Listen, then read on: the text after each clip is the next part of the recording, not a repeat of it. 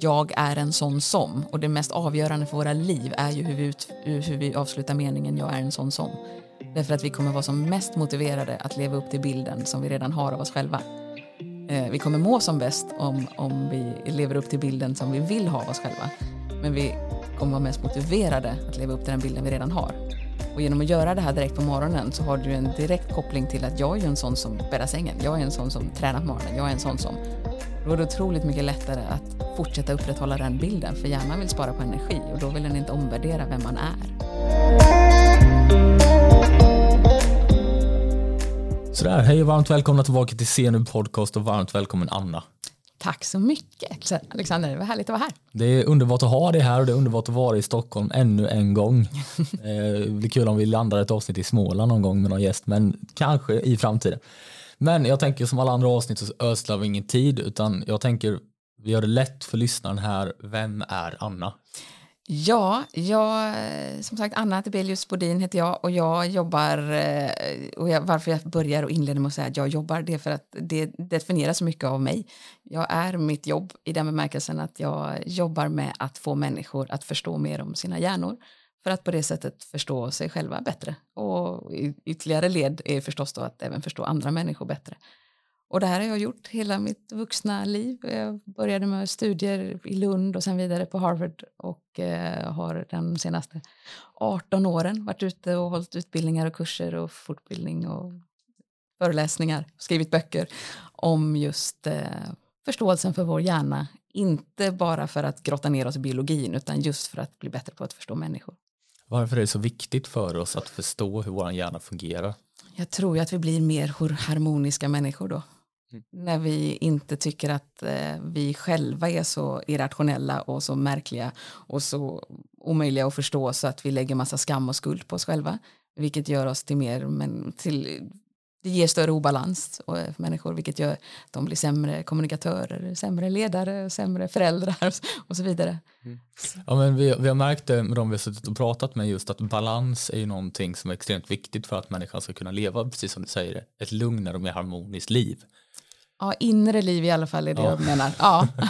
ja, ett mer harmoniskt inre liv. Ja. Eh, och balans är ju någonting man måste jobba upp och förvalta likt alla andra typer av relationer. Förutom att den är ju främst med dig själv. Mm. Just för att du ska kunna bygga det här inre lugnet. Och jag tänker, vi pratar ju väldigt mycket om motivation, motivatorer mm. och inspirationskällor på mm. denna podd. Mm. Och jag tänker, du är ju en perfekt person att just definiera vad är motivation för människan? Ja, det är ju någonting annat än det här eh, inre lugnet. Som så att jag pratar, lust att du tar upp just balans, jag tror jag på LinkedIn här bara häromdagen tog upp ett, ett inlägg som blev väl debatterat just om balans. Jag menar ju att människan behöver inte balans, vi behöver kontraster. Eh, så att, eh, och det betyder ju att vi behöver det här någonting som bygger upp vår inre harmoni och lugn som gör att vi kan hitta en, en trivsel och trivas hemma i vårt eget huvud som jag brukar, brukar säga. Men samtidigt så behöver vi ju någonting som driver oss att vilja mer, att utvecklas och lära och förstå och bidra och, och komma framåt. Och, och det är ju en ansträngning, det är en påfrestning, det är ju en stressreaktion för vårt nervsystem att göra. Så det är den andra ytterligheten, vi behöver båda de här ytterligheterna. Och sen kan man väl lägga ihop dem då och kalla det för balans, men det är så lätt att tänka att balans är att man ska hålla sig på någon typ av mitten. Och det har jag aldrig trott på. Liksom. Jag har aldrig förstått vad det skulle vara. Men tillbaka till själva frågan då, motivation. Motivation är egentligen ett, någonting som väldigt ofta blandas ihop med välbefinnande. Särskilt av produktiva mm, medelklassmänniskor mitt i livet som eh, bara eh, springer i hjulet. Liksom. Då tror man att det härligaste jag kan uppleva det är att vara motiverad och driven och bara köra. Och då har man missat vad välbefinnande det, det betyder inte att det inte känns lustfyllt och att det inte känns drivande och att det, det bygger någon positiv känsla. Men välbefinnande, det är ett förhållande till vad du har här och nu. Det är en uppskattning, det är en, upp, det är en, en, en trivsel med vad du har. Det är ett förhållande till vad du har just nu. Motivation, det är en relation till vad du inte har. Det är något som ligger framför dig. Eh, och det är någonting helt annat. Och det är också, om vi skulle översätta det till hjärnan, det är olika substanser som utsöndras i hjärnan av att vi upplever en harmoni. Alltså sitta på en klippa och titta ut över eh, i västerläge på en solnedgång över hav. Liksom. det ger oss en helt annan lugn och helt annan utsöndring i vårt nervsystem och, och andra upplevelser i kroppen överhuvudtaget än vad det gör att eh, sätta den där dealen och göra den här stora affären och skaka den här handen till att man, man är på väg till någonting nytt och större och, och bättre och så vidare. Vi behöver båda två, men vi måste förstå att det är olika saker och när vi blandar ihop motivation med välbefinnande då missar vi oftast välbefinnandet och det är då motivationen riskerar att köra oss i väggen. Mm. För det är så intressant så som du beskriver just med driv, vilja och känna sig att man bidrar till sin omgivning. Mm. Eh, och just att de definiera det här att inte ha. Mm. Eh, många av dem vi har suttit med har ju gått igenom väldigt tunga personliga vi brukar säga ditt personliga helvete. Mm. Vi brukar inte jämföra olika helveten för att allt är ju relativt. Mm. Om jag blir av med mitt ben och du blir av med din fot, men båda är ju fruktansvärda. Mm. Men om man jämför det sakligt så är ju självklart alltid det ena värre än det andra. Um, och jag tänker just i hjärnan, finns det någon förklaring till varför det kan vara en motivator? Just att du har gått igenom någonting väldigt tungt som har terroriserat dig internt och att använda det som bränsle för att just komma åt någonting och få det här du inte har. Mm. Man kan väl säga att vi, vi normaliserar ju allting hela tiden. Eh, och det, det måste vi göra, vi skulle inte hålla oss sane annars. Vi, vi måste på något sätt normalisera det livet vi har.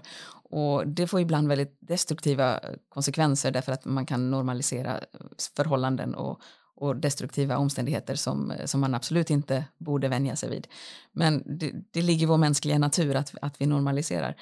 Men om man är med om någonting som är så fruktansvärt och traumatiserande så kommer man ju ha men från det.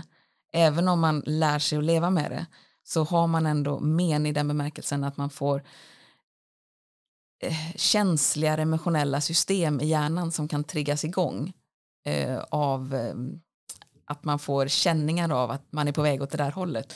Och då kan man bli väldigt motiverad att jag ska inte dit, jag ska inte uppleva någonting i närheten av det där. Liksom. Jag ska aldrig mer behöva leva under de premisserna eller, eller vad det nu kan vara. Och då blir ju det en väldigt stark drivkraft att göra någonting annat. Det kan ju också vara att man känner att när jag var med om det här, det ska ingen annan behöva vara med om. Så jag vill ägna min tid till att bidra till världen och, och hjälpa människor att slippa det som jag inte fick slippa. Liksom. Så det finns ju, alltså det är ju så komplext varför människor gör det de gör förstås. Eh, nu har jag ägnat mitt liv till att försöka ta reda på.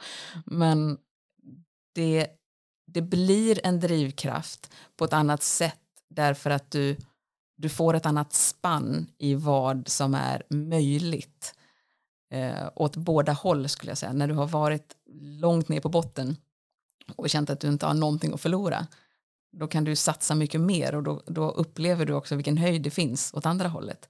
Men har du levt ganska skyddat, ganska ofarligt, ganska ska jag säga, omhuldat och, och skyddat av omgivningen så har du inte riktigt fått någon förståelse för varken höjderna eller dalarna i livet. Och då blir det inte heller den här drivkraften att, eh, att få ett momentum, att, att eh, få en hävarm till någonting större och högre. Och rent neurologiskt kan man väl säga att du har inte byggt upp en känsla av att dopaminet, om vi kallar det för, för motivation, att, att vi känner det där dopaminet stiga. Det, det, har vi lyckats med under, för det har människor alltid velat att ha högre dopamin, men idag kan vi ta upp en mobiltelefon eller, eller spela bort våra pengar eller en Red Bull eller vad som helst. Och så får vi upp dopaminet och så tror vi att den där kicken, det är det som är poängen med livet, att få de där kickarna. Och så inser vi inte vilken kick det är att ha gjort ett heltidsarbete dag och natt i tre år för att sen få den stora belöningen. Alltså det har ju under tiden inte gett de höga nivåerna av dopamin men det har gått ett, ett, en, en stigande nivå som man till sen skördar frukten av. Och där, det beror ju på vad vi har för inställning till livet och den har ju formats av både förstås våra gener och, eh, och våra erfarenheter. Jag satt i ett otroligt trevligt samtal med en man som heter Nikolas mm. eh, och han driver ett av de största marknadsföringsbolagen eller ett av de som spetsar och växer snabbast nu i Sverige och han sa just det att smärta är någonting väldigt väldigt vackert mm. på ett just sätt att du kan nollställa din kropp och på något sätt pusha ner dig själv i en dal fast du har kontroll. Om du har kontroll på den smärtfaktorn. Mm. Eh, han har ju kört extremt mycket eh, brasiliansk jiu-jitsu, han har tävlat i det EM, han har vunnit SM och EM. Och han använder ju det just som en nollställningsklocka. Mm. Okej, okay, han har mycket att stressa på, han har många faktorer i sin omgivning som påverkar honom, han känner att han börjar tappa kontrollen och då går han in och så simulerar han denna typ av smärtbasis i en kontrollerad miljö. Mm. Är det någonting som är hälsosamt för hjärnan att arbeta med just så att du groundar dig själv mm. för morgondagen? Ja, man kan väl säga att hjärnan lever ju inte så mycket i, i nuet. I, det vill vi prata om idag, att vi ska vara mindfulness och, och leva här och nu. Och när vi går in i meditativa tillstånd så, så är ju då vi, vi faktiskt är i nuet. Annars så är ju hjärnan bara för att jobba med den överlevnad den är formad för att, eh, för att ha som funktion, det vill säga att vi ska överleva. Det är ju hela tiden att tolka vad det var som har hänt för att göra oss bättre rustade för vad som komma skall.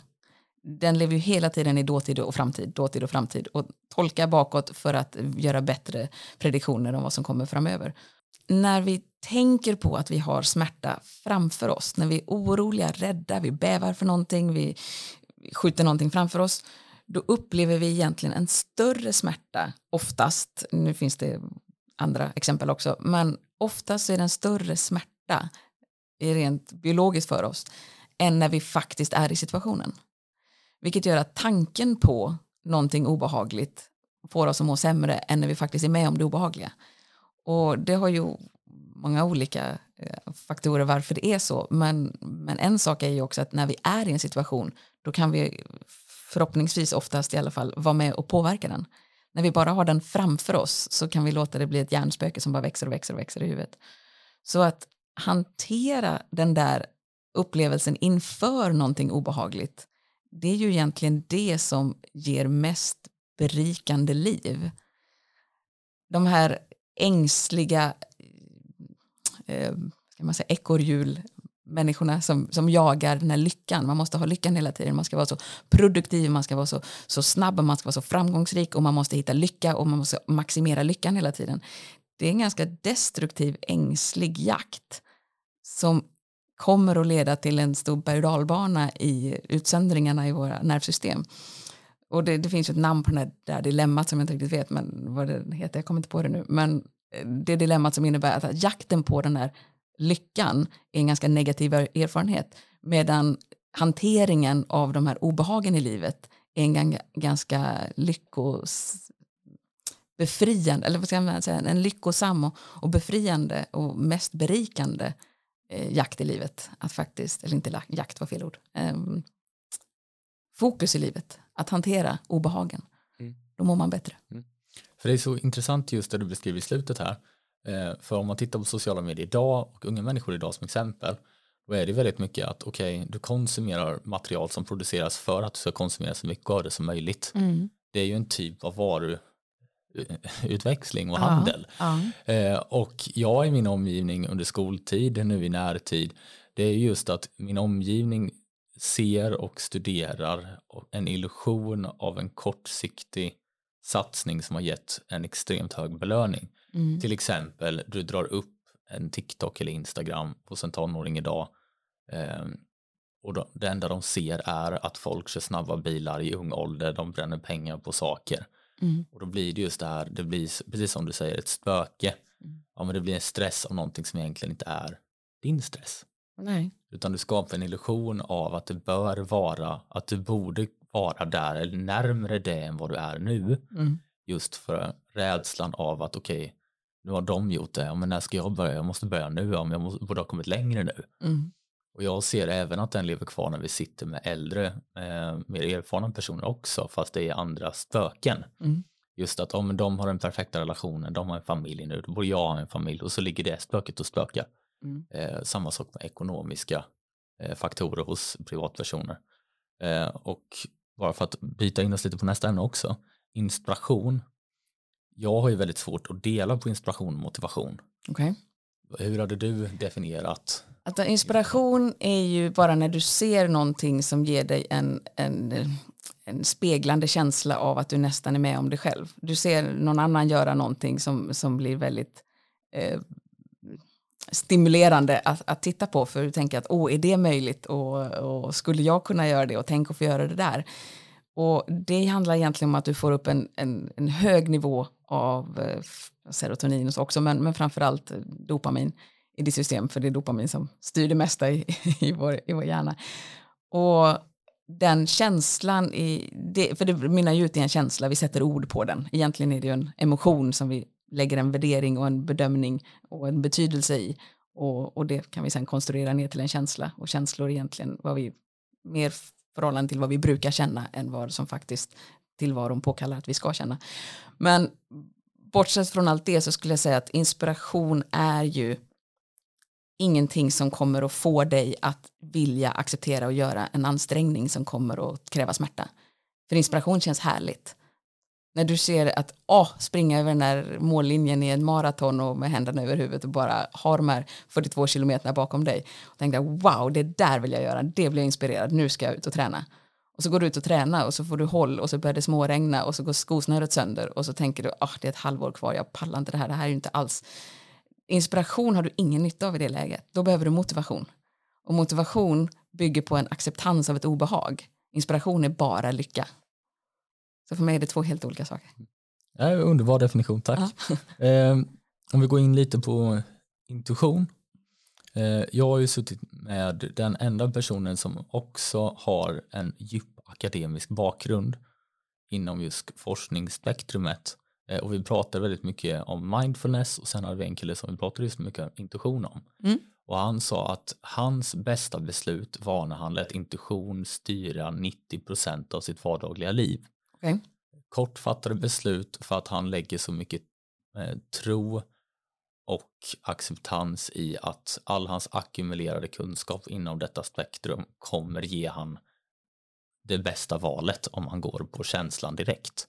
Mm. Eh, men vi har också märkt att många ser just intuition eh, som en känsla, som något emotionellt. Mm. Men han definierade det som någonting rationellt. Mm. Hur hade du belyst? Och... Jag kan säga att jag har inte alls överhuvudtaget berört intuition på det sättet. För i, i min värld så ligger det någonstans i en sån typ av uppdelning att man då skulle kunna särskilja på vad man gör emotionellt och vad man gör förnuftsstyrt och vad som är i den oavsett vilket skulle vara intuition jag, jag kan inte göra den uppdelningen av vad det är jag gör. Jag vet ju rent vetenskapligt att min hjärna är precis som alla andra hjärnor otroligt emotionellt styrd. Och sen kan vi rådfråga remissinstansen, det vill säga förnuftet, lite mer ofta i vissa sammanhang. Men det är fortfarande för att legitimera de emotionella beslut vi tar, som alla människor alltid har gjort. För det hjärnans hårdvaluta är emotioner. Um, så jag skulle inte riktigt kunna säga hur ett liv skulle vara annorlunda om man säger att man tar beslut utifrån intuition och andra inte skulle göra det. Jag vet inte hur man skulle ta beslut på ett annat sätt än intuition. Man tar beslut och så rationaliserar man dem i efterhand. Mm. Um, och jag, tror, jag ser inte hur man skulle kunna komma ut ur mönstret, så jag ser väldigt olika på det uppenbarligen. Ja, jo, men det är fantastiskt, vi gillar kontraster. ja. eh, framgångar och motgångar är någonting vi belyser väldigt mycket också hos mm. dem vi tar in som gäster mm. Eh, och också hur de hanterar framgångar och motgångar. Och vi har sett den största röda tråden just på att okej, okay, du firar ett väl och tappert försök även om det blir ett fall. Eh, på samma sätt som du inte överhurrar en lyckad fast kanske halvt dålig planerad strategi. Okay. Just mm, att du försöker ligga lite emellan Eh, ups and downs för att inte sticka iväg och bli för överlycklig eller för nedslagen. Mm. Vad är det mm. som händer i huvudet och bör man arbeta med just hanteringen av dessa saker? Mm. Um, ja, där är vi ju uppenbarligen olika i hur, vad vi tycker det är värt. Alltså vissa människor hämtar sig ju inte efter ett fall. Om man säger. De, de, det är inte värt att det blir ett misslyckande eller någonting som man måste hämta upp eller någonting som, som går fel som man måste reda upp i stunden. Det är inte värt det för det förtar så mycket och det tar så lång tid att emotionellt komma tillbaka. Och det är klart att har man den typen av, av personlighet, vilket jag menar är ganska genetiskt grundat att, att man fungerar så, då är det självklart värt det att inte riskera att göra för dåliga förarbeten och istället ta hängslen och, och, och, och bälten så här, för, att, för att se till att man inte får de dipparna för att det, det får för stora konsekvenser rent emotionellt. Själv fungerar jag ju inte så. Eh, jag tycker det är värt det. Jag, jag personligen satsar hellre eh, på saker som jag verkligen tror på.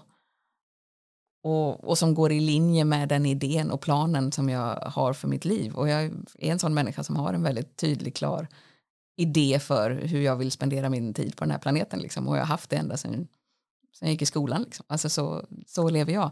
Och då kommer det vara en, en väldigt tydlig målsättning eller nej, målsättning kan jag inte säga för det låter som en, som en eh, punkt, mer en, en målinriktning. En, en, riktning för livet och då kommer det ju vara vissa saker som kan vara det som tog mig dit och vissa saker som jag gör kan ju uppenbarligen då vara inte det jag skulle använt. Det, hindrar, det, det tar inte mig ifrån idén, men jag ska ju fortfarande dit. Jag ska ju fortfarande åt det hållet, det är fortfarande den riktningen. Men det var uppenbarligen inte det här som tog mig dit. Då, då på det igen då, på med något nytt. Men det är för att jag fungerar så. Och vad det handlar om det är ju antagligen hur obehagligt vi upplever den här dels påfrestningen med höga nivåer av kortisol, Eh, vilket är eh, stresspåslag när, när vi känner att adrenalin inte räcker till för att upp, reda upp en situation utan vi behöver kortisol och kortisol blockerar hjärnan. Det gör oss trångsynta och det gör oss mindre toleranta och vi har sämre impulskontroll och vi kan inte lära och vi kan inte tänka klart och det blir överväldigande. Liksom vissa människor tycker ju att det, det får inte hända. Jag kan inte få sådana krascher, liksom. det går inte. Medan jag tillhör de som tycker att det, det är en del av spelet, det, det får det vara värt. För att jag måste lägga så mycket av mig själv i en satsning. Och då är det ju det, är ju det som är risktagningen, att jag kan hamna där. Men vinsterna om jag inte hamnar där är, är värt det. Liksom. Men där tror jag mer, jag har inte klara svar på det, men jag uppenbarligen man ser sig omkring att det verkar vara en personlighetssak. Mm. Så det jag får upp från det är ju sikta och tänk utifrån lite makro mer än att mikroanalysera precis allt. Ja, mm. bra summerat. eh, jag tänker om vi går in på nästa eh, del här nu som vi brukar tala om också Mm. Då har vi hälsa, den fysiska och psykiska. Mm. Jag tänker om vi börjar med den fysiska. Mm. Om vi tittar på träning så har vi en väldigt hög trend av väldigt belastande träning bland personer vi sitter med. Mm. Eh, vad, vad, hur bidrar det till detta lugn, den, mm. denna sinnesro som vi pratar om? Mm. Hur, hur ser man det på ett akademiskt sätt och dataanalyserat sätt? Mm. Man kan väl säga så här att vi, vi, har ju, vi är ju gjorda för stress. Och stress för kroppen det är ju att ha, vara fysiskt utsatt för någonting. Eh, sen kommer vi också vara mentalt utsatta för saker och vi har tankar och vi, som vi är inne på, vi har en, en, en, utvecklad hjärna som, som tänker saker som gör att vi kan uppleva hot som inte ens finns här. Men vår, vår kropp och, och kopplingen till hjärnan är ju byggd för att eh, hantera fysiska påfrestningar mot oss, vilket ju vi kan då kalla träning för. Vi bryter ju ner muskelmassa. Liksom. Det, det, är klart att det är otroligt någonting som vi är väldigt utsatta när vi, när vi gör, även om vi gör det frivilligt och det är inte för att vi skyddar våra liv. Men eftersom vi har ett system som är uppbyggt på att ge oss stora adrenalin och framförallt kortisolpåslag när vi är utsatta för den här höga nivån av stress. Så om vi inte tränar, då kalibrerar vi systemet utifrån vad det är det värsta som händer i vår kropp. Det ska få det mesta kortisolet, då ska topparna bli som högst. Om vi inte tränar och vi sitter större delen av vår dag och vi, vi, vi har inte ens en, vi går inte i trappor, vi, du vet, vi, vi rör oss inte. Utan vi bara tar oss fram och tillbaka till jobbet i en bil och där sitter vi på en stol och sen kanske flyttar oss till en annan stol och så vidare. Och så blir det en konflikt på jobbet då är ju det det värsta som händer nervsystemet under dagen, den konflikten. Då kommer det ge det mesta kortisolet. Vilket gör att en hög nivå av kortisol kommer blockera hjärnan från att kunna tänka och impulskontroll och tolerans och allt det här. Vilket gör att vi, vi blir mer obehagliga människor i en konflikt och svårare att hantera den och svårare att hämta tillbaka och så vidare. Men är vi någon som regelbundet tränar och då menar jag att det inte går mer än eh, ska jag tänka här, är det 70 timmar eller något sånt där mellan ordentliga påfrestningar på vårt nervsystem för att vi ja, men bryter ner muskler och så vidare då, då har vi kalibrerat systemet till att den här höga toppen där ska du ha kortisol för att det här är det farligaste du är med om. Du, du håller på att försämra din kropp, sen ska den då byggas upp och bli större muskelmassa och så vidare sen. Men, men att du bryter ner kroppen på det sättet är en signal om att det här behöver kortisol. Och då vet man det att när det finns någon, någon sån jämförelsevärde då blir andra kortisolpåslag, som till exempel den här konflikten på jobbet som man ju ändå kan ha, den blir förhållandevis en mycket lägre påfrestning på systemet som då också kräver lägre nivåer av kortisol mm. som gör att man inte känner samma obehag och kan hantera den bättre. Mm. Jag måste bara för sakens skull, vi får ta två minuter och såga min eh, dagsrutin här. um, när jag studerade så märkte jag att det bästa jag kunde göra var just att nolla mig själv på morgonen. Mm. Känna på, okej okay, vad är smärtgränsen idag? Mm. Eh, just för att ha det här mätvärdet. Mm. Så jag gjorde ju det att det första jag gjorde så fort jag klev upp ur sängen det var att träna. Mm. Eh, och jag gjorde det extremt tidigt, inte för att jag skulle kunna jämföra det med min omgivning, hur den levde och levde sina liv, Nej. men just för att jag kände att okej, okay, det är lite som att man ser i militära sammanhang, du bäddar sängen så fort du gått upp. Mm. Eh, min sån bädda sängen var just, okej, okay, du går och kör spinning på ett gym. Mm. Ha, vad, vad, är effekten av att göra den typen av pådrag så tidigt, utöver det du förklarar just med att du har det här mätvärdet. Mm. Eh, för i mitt fall så märkte jag, okej, okay, då är man lite slutkörd sen direkt efter det. Mm. Men det är då man inte har motargumenten för att inte göra det du bör göra för, efter i situationen. Mm. Om du har plikter du ska göra under dagen så fann jag det lättare att bränna av dem precis efter jag har känt på att det här är jobbigt. Mm. Då blir allting i relation, precis som du säger, mindre jobbigt. Mm. Och jag har också sett den eh, trenden när jag har suttit ner med vissa som har föreläst, eller som vi har intervjuat vissa föreläsare och vdar. Just att vi har haft vissa som har gått igenom cancer och liknande. Och de jämför hela tiden med det här jämförningsvärdet att mm. ja men det här är lite jobbigt men det är ingen cancersjukdom. Mm. Är det någonting man bör utsätta sig själv för om man inte har en naturlig eller utomstående sån här cancerförklaring mm. eller sjukdomsförklaring eller att man har gått igenom en, ett trauma. Är det bra att mm. utsätta sig för detta, den mm. stimulansen?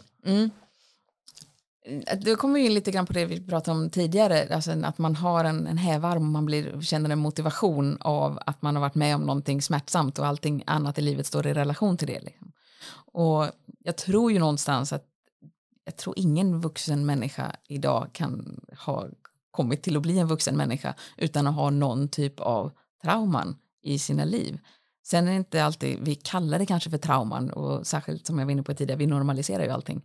Så att det är ju bara, ja, men det är bara mitt liv, det var ju så det var. Och vi har inte kanske satt ordet trauma på det, men det har gjort, har satt emotionella mönster i vår hjärna som påverkar för resten av livet. Och, då, och om det är i, i en negativ bemärkelse, så att, säga, att det, det, det, är kopplat till smärta, så är det ju ett, ett trauma.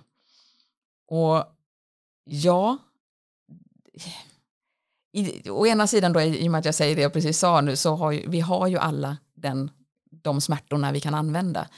Men det här du pratar om, mm, att göra det till en dagligdags grej, eh, att eh, man, man utsätter sig för smärtan tidigt på morgonen, Eh, för att då har, man, då har man gjort det. Det är ju också en, en att man bygger upp en, en självbild om att jag är den som jag biter i det sura äpplet, alltså jag, jag tar tag i, i den, de tuffa uppgifterna. Och, och jag är en sån som, och det mest avgörande för våra liv är ju hur vi, ut, hur vi avslutar meningen jag är en sån som. Därför att vi kommer vara som mest motiverade att leva upp till bilden som vi redan har av oss själva. Eh, vi kommer må som bäst om, om vi lever upp till bilden som vi vill ha av oss själva. Men vi kommer vara mest motiverade att leva upp till den bilden vi redan har. Och genom att göra det här direkt på morgonen så har du en direkt koppling till att jag är ju en sån som bäddar sängen. Jag är en sån som tränar på morgonen. Jag är en sån som... Då är det otroligt mycket lättare att fortsätta upprätthålla den bilden. För hjärnan vill spara på energi och då vill den inte omvärdera vem man är. Det är så otroligt djupt rotat i hela vårt system vem man är. Och ju mer bevis vi kan ge oss själva för att vi är den vi vill vara, ju bättre kommer vi må. Mm. Och då är nästa fråga, eh, bör man matcha omgivningen om man har svårt att hitta just den här vem jag är? Eh, för det är ju en väldigt stor grej bland eh, tonåringar just att definiera vem är jag, vad är mitt syfte? Mm. Bör man matcha just idoler? Bör man kolla på en person i sin nära omgivning och försöka definiera sig antingen som en variant av dem eller som nästa dem? Jag tror nästan det är alldeles omöjligt att vara tonåring och gå igenom den väldigt eh, ska jag säga, absurda delen, eh, fasen i livet utan att jämföra sig med förebilder av olika slag, sen om det är idoler eller vad det kan nu vara. Det ligger lite grann i själva socialiseringen av att eh, hitta sig själv, att, att göra det. Personligen så, så tycker jag ju att det, det har gett mig väldigt mycket att ha förebilder som bidrar med olika saker.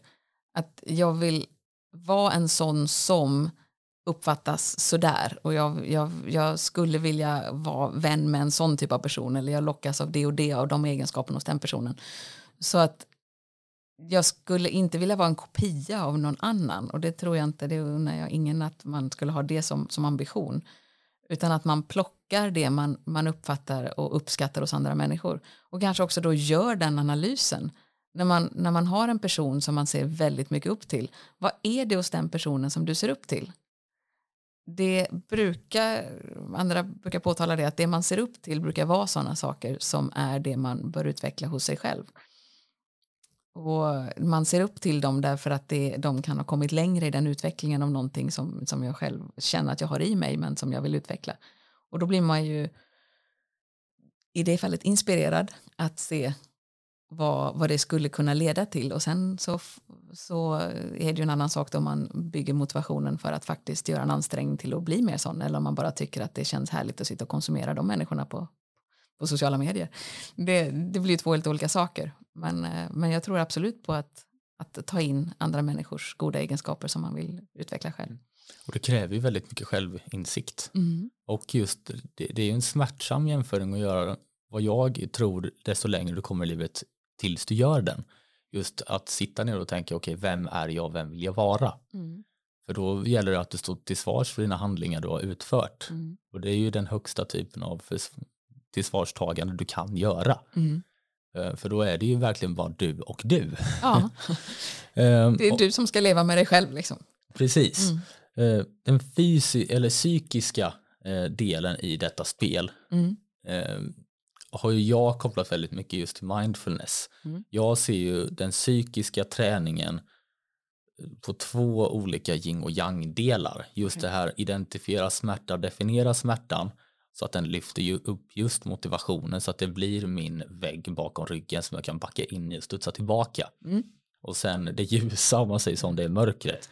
Det är just okej, okay, idag har jag gjort det här, jag har gjort det här, sitt ner, analysera dagen, belöna dig själv om du har gjort någonting som ligger i mållinje med ditt singulära mål och ditt identifierade syfte som du strävar mot. Mm mindfulness är någonting som talas väldigt mycket idag och mindfulness som jag har fått berättat för mig är just att du måste leva i nuet och känna nuet. Och då, vi pratar ju om eh, motivation, mm. dåtid, framtid. Mm. Hur viktigt är det på en hjärnnivå då att just leva i nuet och analysera ditt, ditt nu? Mm. Och det finns så otroligt många olika ingångar i svaret på den frågan. Men eh, om vi börjar någonstans att trivas hemma i sitt eget huvud det är själva förutsättningen för att överhuvudtaget ha ett, ett, ett rikt liv. Och det kan man tycka låter så otroligt självklart. Eh, men det är ju många människor som strävar efter det där berikandet av livet utanför. Att man springer ifrån sitt huvud hela tiden. I den bemärkelsen att man konsumerar. Att om du hela tiden går ut och konsumerar. Då, för mig är det liksom att du har hemmet i din egen hjärna. Det är ditt huvud. Och sen springer du hemifrån hela tiden för att konsumera annat. Och så springer du bara hem och byter packning. Liksom. Och till slut så måste du ändå sova hemma. Och då kommer du hem och så lägger du huvudet på huvudkudden. Och så måste du vara hemma i ditt eget huvud. Men du har inte varit där på hela dagen. Så då tar du en mobiltelefon och försöker du somna med skärmen tills du bara däckar. Liksom. Och då blir det som att du är ju aldrig ensam med dina egna tankar. om du aldrig är ensam med dina egna tankar så kommer du inte att bygga upp ett hem i ditt eget huvud som du trivs i. För då tror du att konsumtion är sättet att bli, bli tillfredsställd och bli lycklig, bli glad, bli harmonisk, vad det nu är för känsla du vill uppnå. Och där fallerar det ju för väldigt många människor. Men att bygga upp den här idén om att jag ska trivas hemma i mitt eget huvud, ja vad behöver jag för att göra det? Och många gånger handlar det om att kunna lugna sitt eget nervsystem, att kunna reglera nervsystemet. Det är ju en otroligt viktig del i att eh, inte låta reaktioner ta över. Det vill säga du är inte dina känslor. Du är någon som kan granska känslorna, du, kan, du upplever känslorna, du kan granska dem och du kan påverka dem. Men är man sina känslor, ja men då är man ju bara karbonpapper för hela sin tillvaro. Då, då är man bara en summa av allting som händer omkring en och då har man ingen kontroll och ingen makt alls. Liksom.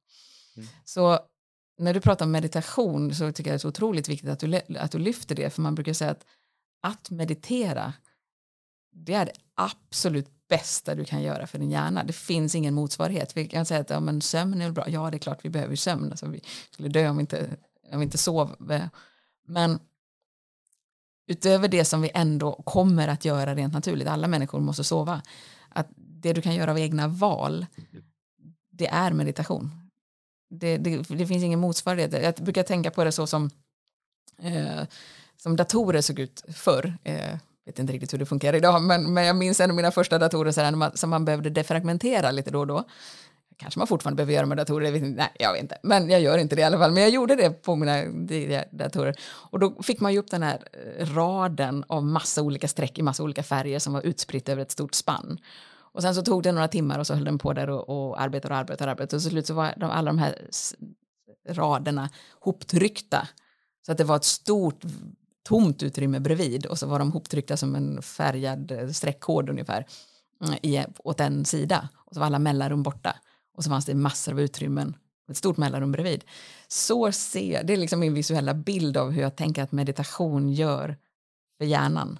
Vi skapar det där andrummet, det där, den här möjligheten för att ta bort allt skräp, ta bort allt det där oregelbundna, ta bort allt det där som ligger på fel ställe. Det är liksom en stor städning som gör att hjärnan kan tänka klart och användas till det den är till för, det vill säga ett tankeaktiverat system. Det är ingen lagerlokal som ska bygga in massa konsumerande varor som ska packas in. Det är ett tankeaktiverat system och då måste vi använda den till att tänka. Vilket var lite mer naturligt att göra för 15 år sedan när vi inte fyllde alla våra stunder i tillvaron med att konsumera. Och vår hjärna är 40 000 år gammal så att den, den vill fortfarande tänka. Evolution går inte så fort. Liksom. Så tänka, gå in i meditativa tillstånd och sen då och då göra det här som du säger, att faktiskt gå i djup meditation. Det går ju inte att jämföra med att man faktiskt reflekterar över sin dag, för det är ju någonting annat. Men vi behöver alla de här bitarna för att använda hjärnan till att optimera den till den otroliga konstruktion den är. Den har ju ingen motsvarighet till universum i sin komplexitet. Liksom. Mm. Summera din dagsuppsats i punktform. Lite så. Ja. ja eh, eh, en av de sista frågorna här. Mm. Eh, nätverk och omgivning brukar vi kategorisera som eh, mikropaket och makropaket. Mikropaketet ser vi som, okej okay, det är dina närmsta kära, det är släkt, det är flickvänner, det är pojkvänner, är hunden, det är liksom ditt centrum, ditt mm. hem. Mm. Och makro är, ser vi lite mer som, okej okay, det är hur du representerar dig själv och agerar och integrerar med din omvärld. Mm. Det kan vara jobb, det kan vara privat, det kan vara en polares polare man träffar eller chefens chef och hur du bygger dessa kontaktnät. Mm. Jag tänker hur viktigt är, du att, är det att du arbetar och förvaltar dessa för ditt egna lugn? Mm.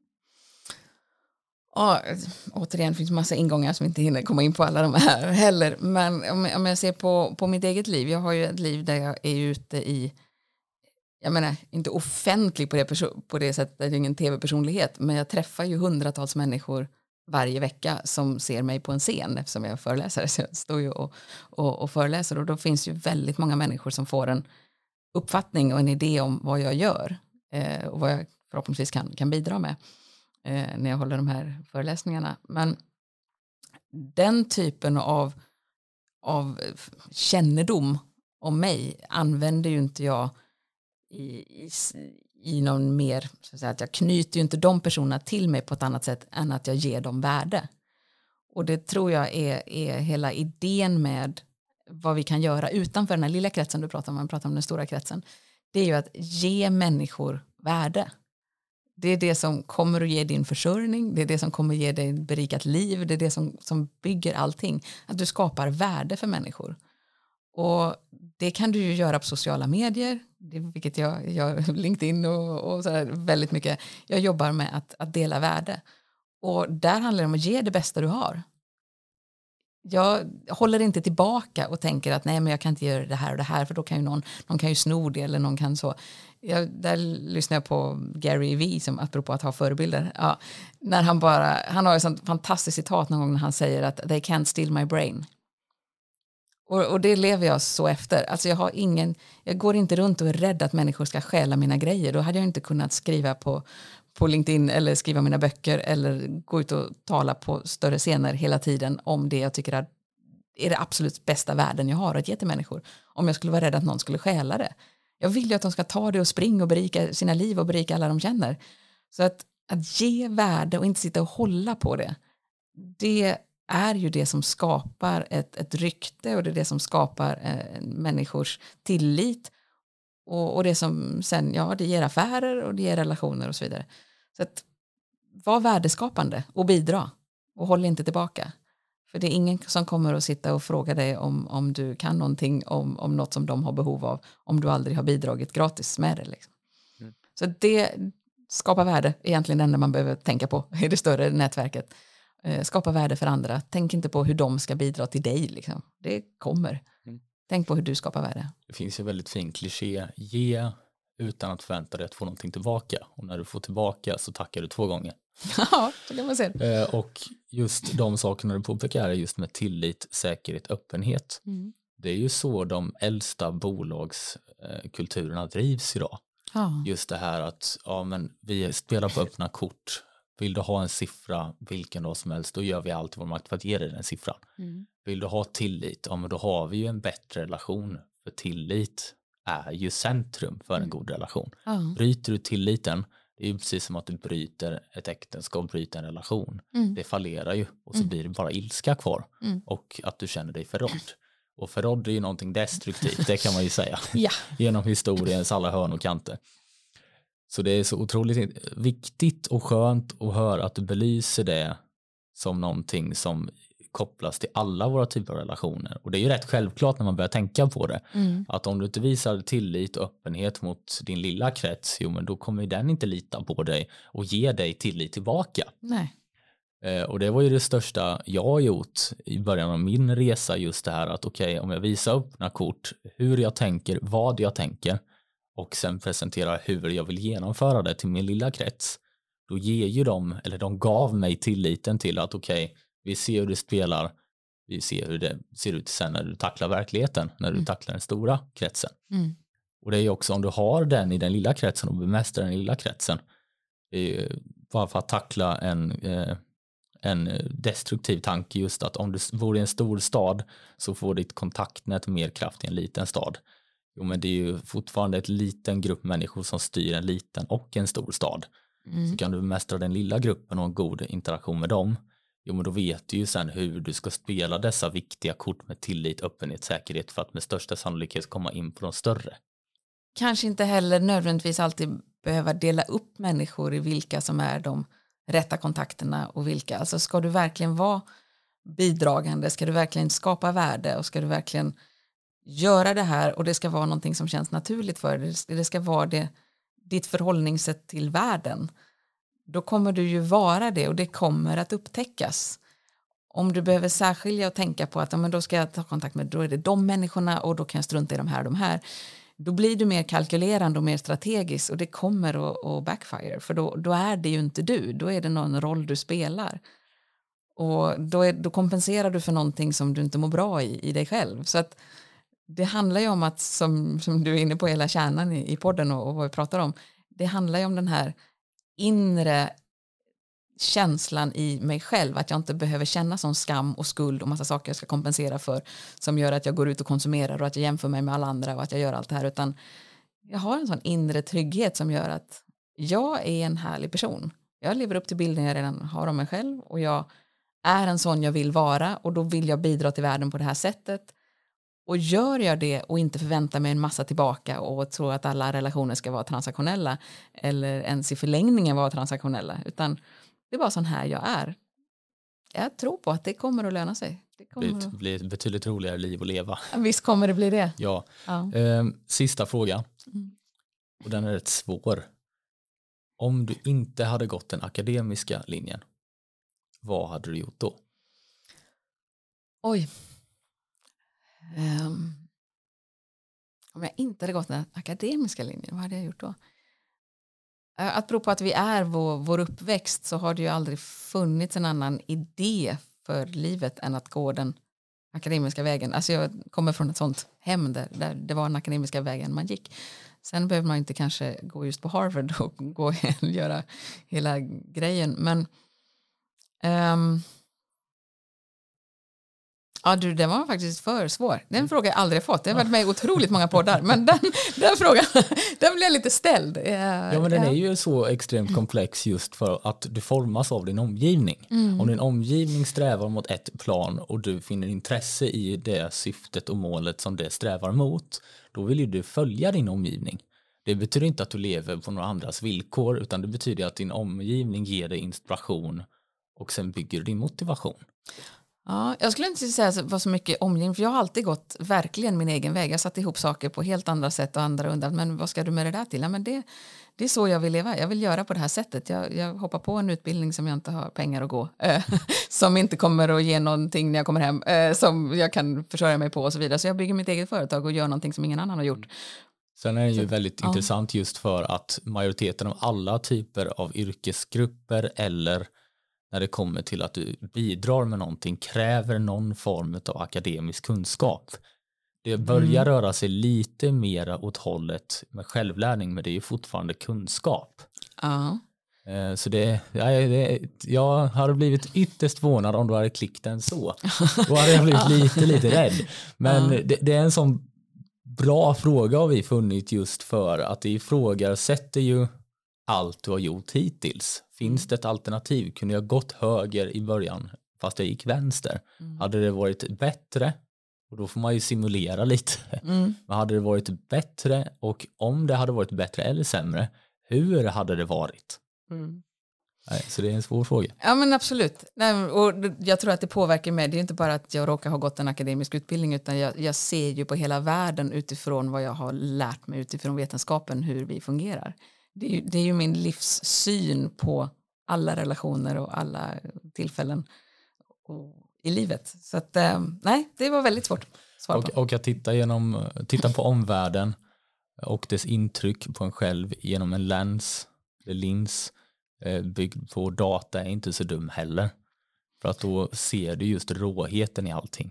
Det är ju därför mm. man brukar säga att ren data ljuger aldrig. Det är bara presentationen av den som kan mm. ljuga. Ja, absolut användningen av den. Mm. Men eh, du ska kila iväg yes. och jag ska packa ihop så jag tackar dig så jättemycket. Tack Alexander. Och ha en produktiv arbetsvecka. Ja, du också.